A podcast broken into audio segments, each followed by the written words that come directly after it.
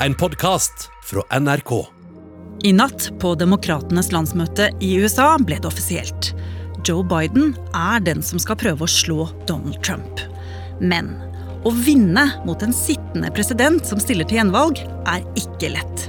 Faktisk har det bare skjedd to ganger etter andre verdenskrig. Likevel, Joe Biden leder nå på meningsmålingene. Hva er grunnen til det? Og kan han klare å beholde overtaket helt fram til valget 3. november?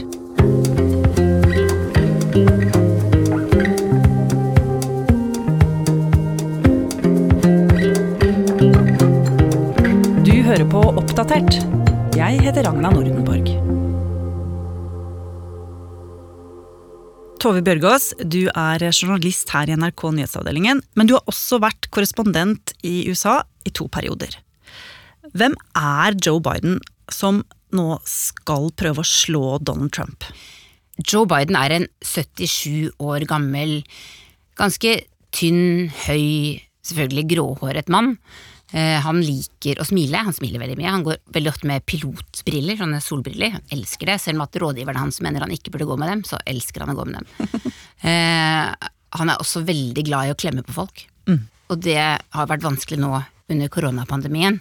Men han er også kjent for å klemme ganske mye på folk og også kysse barnebarna sine på munnen. Og lukte på håret til unge jenter, på, også i politisk sammenheng, som mange unge kvinner har reagert på noen ganger, mener at han, hans grenser kanskje er litt for nære. Og det er ikke bare det folk eh, har satt på minussiden med han. Eh, han sier veldig mye feil. We, we the, uh, the, the, han roter med tall, han roter med andre opplysninger. Han snøvler ganske mye.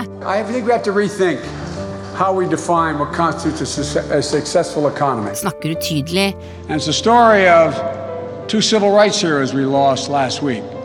One who, one who uh, shows the way forward, each of them their separate ways. Og i de debattene som var i presidentvalgkampen, så virket det ofte som han var glad til når han var ferdig med å snakke. Han orket liksom ikke å stå der og snakke i flere minutter.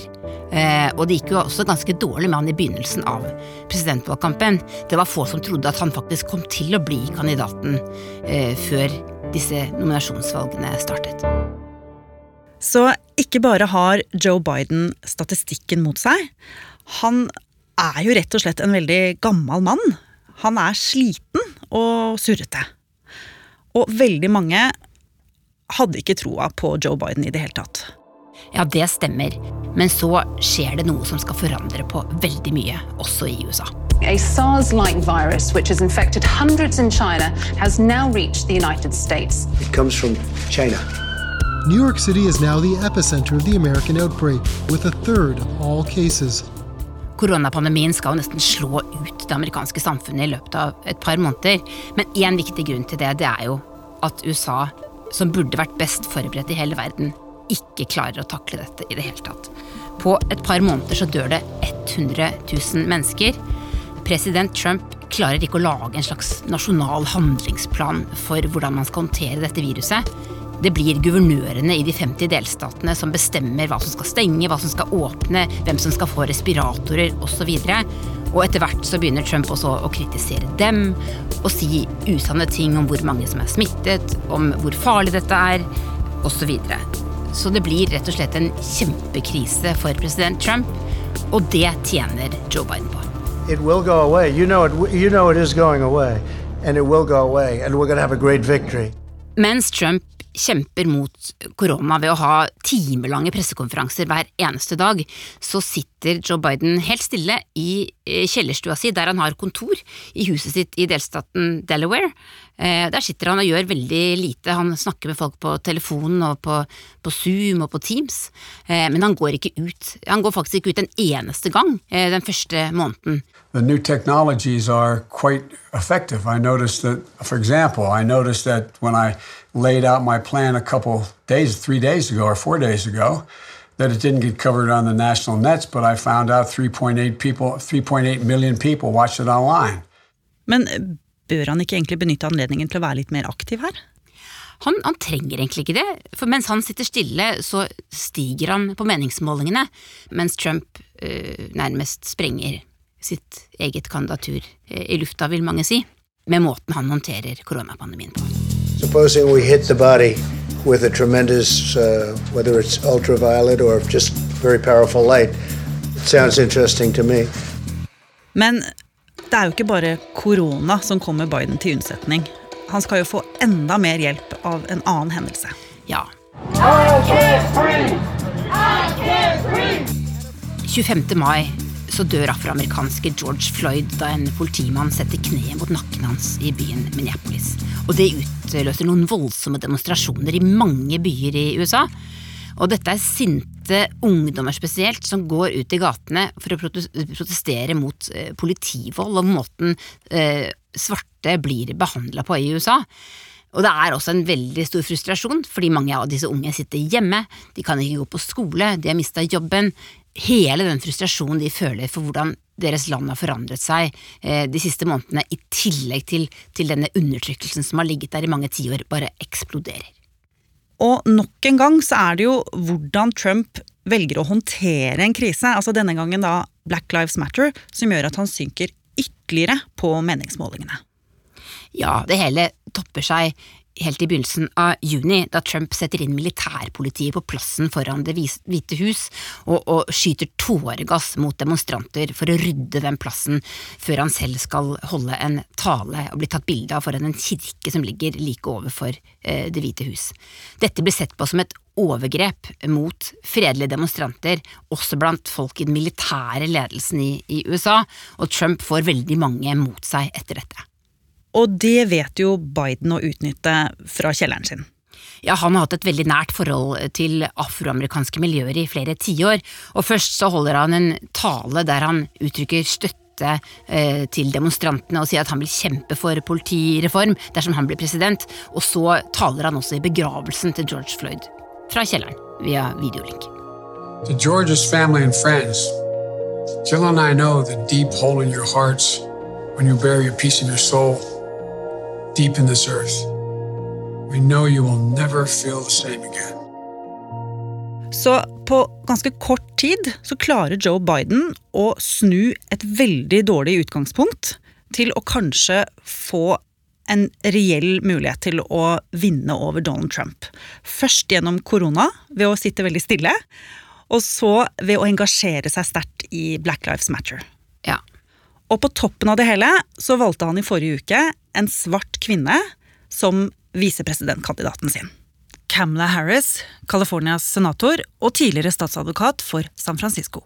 I devoted my life to making real the words carved in the United States Supreme Court equal justice under law. Og å velge Camla, det er alle enige om at var et sjakktrekk. Ja, hun har veldig mye av det Biden ikke har. Hun er eh, mer enn 20 år yngre enn han, 55 år. Det betyr at hun kan overta som president dersom han skulle falle fra. I tillegg så er hun multietnisk, altså farget. Moren hennes er fra India, faren hennes er fra Jamaica. Hun er kvinne. Hun er ikke veldig radikal, men klarer å framstå akkurat så radikal som de på venstresida trenger. Og så er hun eh, energisk. En kommentator skriver at der Joe Biden blir kalt for søvnige Joe, Sleepy Joe, så er Camela Harris som en kopp full av koffein.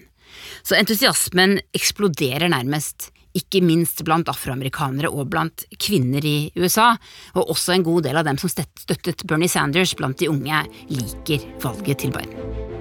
The president's mismanagement of the pandemic has plunged us into the worst economic crisis since the Great Depression. And we're experiencing a moral reckoning with racism and systemic injustice that has brought a new coalition of conscience to the streets of our country demanding change. America is crying out for leadership. Tove, det kan jo virkelig høres ut som Joe Biden har gjort veldig mye rett. At han har klart å posisjonere seg nå veldig godt før det virkelig braker løs og den amerikanske valgkampen setter i gang. Hva er styrkeforholdet nå på meningsmålingene? Akkurat nå også leder Joe Biden med mellom 4 og 10 prosentpoeng på Trump på de fleste av meningsmålingene. Men vi husker jo hva som skjedde i 2016. Alle trodde at Hillary Clinton skulle vinne. Han eh, som veldig mange lyttet til den gangen, en som heter Nate Silver, en eh, slags valgmagiker, mente folk da, han mener nå at det er 71% sjanse for at Joe Biden blir USAs neste president, og 28% sjanse for at det blir Trump. Men mye kan skje i disse drøye 80 dagene som er igjen. Mm. Og Donald Trump har jo ikke tenkt til å gi seg uten kamp. Han har jo et gigantapparat i ryggen, og historisk sett, som vi har lært, så er det vanskelig å slå ut en sittende president. Så hvilken motstand kommer Joe Biden og Camela Harris til å møte på nå framover? Alle former for angrep. Og det begynte med en gang da Trump-kampanjen krevde at Camela Harris måtte vise fødselsattesten sin, fordi de ville ha bevis for at hun faktisk kan bli president i USA. Skal du bli president, så må du være født i landet, og begge Harris sine foreldre de kom til USA som innvandrere. Mm. Dette er det samme Trump sa om Obama i sin tid. Han bygget faktisk sin politiske karriere, den tok faktisk av da han hevdet at Barack Obama kanskje ikke var født i, i USA. Så dette er en kjent taktikk fra, fra Trumps side. Eh, men nå er det slik at det er klart at Camilla Harris ble født i USA, at hun kan bli president. Likevel så sprer dette ryktet seg da på internett, eh, og det vil det sikkert fortsette å gjøre gjennom valgkampen. Er det mer? Ja, jeg tror også at en del av disse hvite velgerne på midten som kan tenkes å stemme på Trump, kanskje syns at Camela Harris er litt skummel. Hun vokste nærmest opp i et demonstrasjonstog i California. Foreldrene hennes var radikale akademikere. Eh, hun lærte å rope 'freedom', freedom, altså i, i tog fra hun satt i, i, vogna, har hun selv fortalt. Eh, og hun vil nok være en rød klut for en del mennesker, og det er jeg helt sikker på at Trump-kampanjen kommer til å spille på. Og når vi vanligvis ser på amerikansk valgkamp, så er det jo veldig store folkemøter, og det er konfetti, ballonger, eh, band eh, som dundrer ut av høyttalere. Men sånn blir det ikke i år. Hvordan eh, kommer det til å påvirke Joe Bidens kampanje? Det er flere ting som kommer til å bli annerledes. For det første så blir det, som du sier, få valgmøter. Vi tror kanskje at de, de viktigste tingene som kommer til å skje, er disse debattene, de tre debattene mellom Joe Biden og Donald Trump, og den ene debatten mellom Camela Harris og visepresident Mike Pence. Og så er det jo et annet kjempeviktig spørsmål. Hvordan skal man holde valg midt i koronapandemien? Skal folk stemme i posten? Skal de stemme i et valglokale? Hvordan kan man sørge for at alle stemmene blir talt opp? Dette er så omstridt og stort og svært at det, eh, at det, er kjempedebatt om det i USA nå. Vi skal faktisk lage en egen podkast om det denne uka i, i, Krig og fred, som jeg lager. Mm. Men det tredje, og sikkert viktigste for velgerne, det er jo hvordan ser den amerikanske økonomien ut 3. november? Kommer det til å gå bedre? Går smitten ned? Har folk fått tilbake jobbene sine? Kan det skje noe disse 80 dagene som gjør at, at denne økonomien som Donald Trump hadde fått til å gå så bra, er på vei tilbake? Mm. Det tror jeg vil bli veldig viktig. Og så har du det som kalles October surprise. Hva er det for noe? Ja, Den såkalte oktoberoverraskelsen i amerikansk valgkamp, det er liksom en stor uforutsett hendelse som kommer bare uker før valget. Og i, i mange amerikanske valgkamper så, så har det skjedd ting like før valget som har gjort at den ene kandidaten kanskje har fått et større forsprang, eller at noe har forandret seg.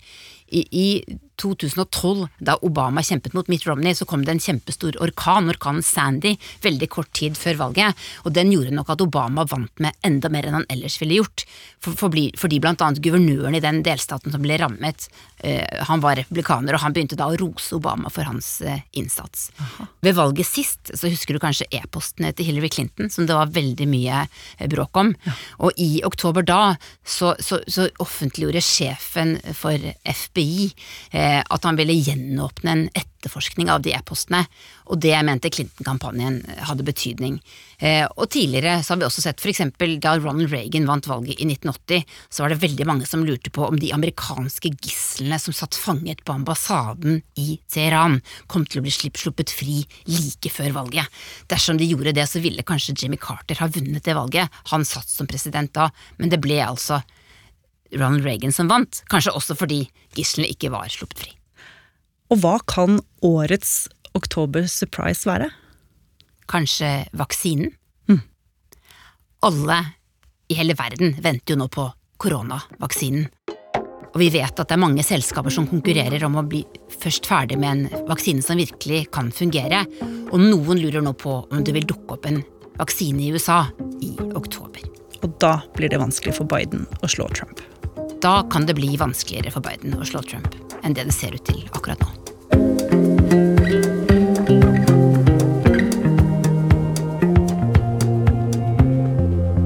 Oppdatert er en podkast fra NRK Nyheter. Og hvis du ikke vil gå glipp av neste episode, så kan du abonnere i appen NRK Radio. Bare søk på Oppdatert, så finner du oss. Denne episoden var laget av Katrine Nybø, Petter Sommer og meg, Ragna Nordenborg.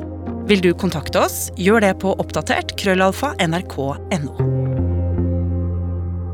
Du har hørt en podkast fra NRK. Hør flere podkaster og din favorittkanal i appen NRK Radio.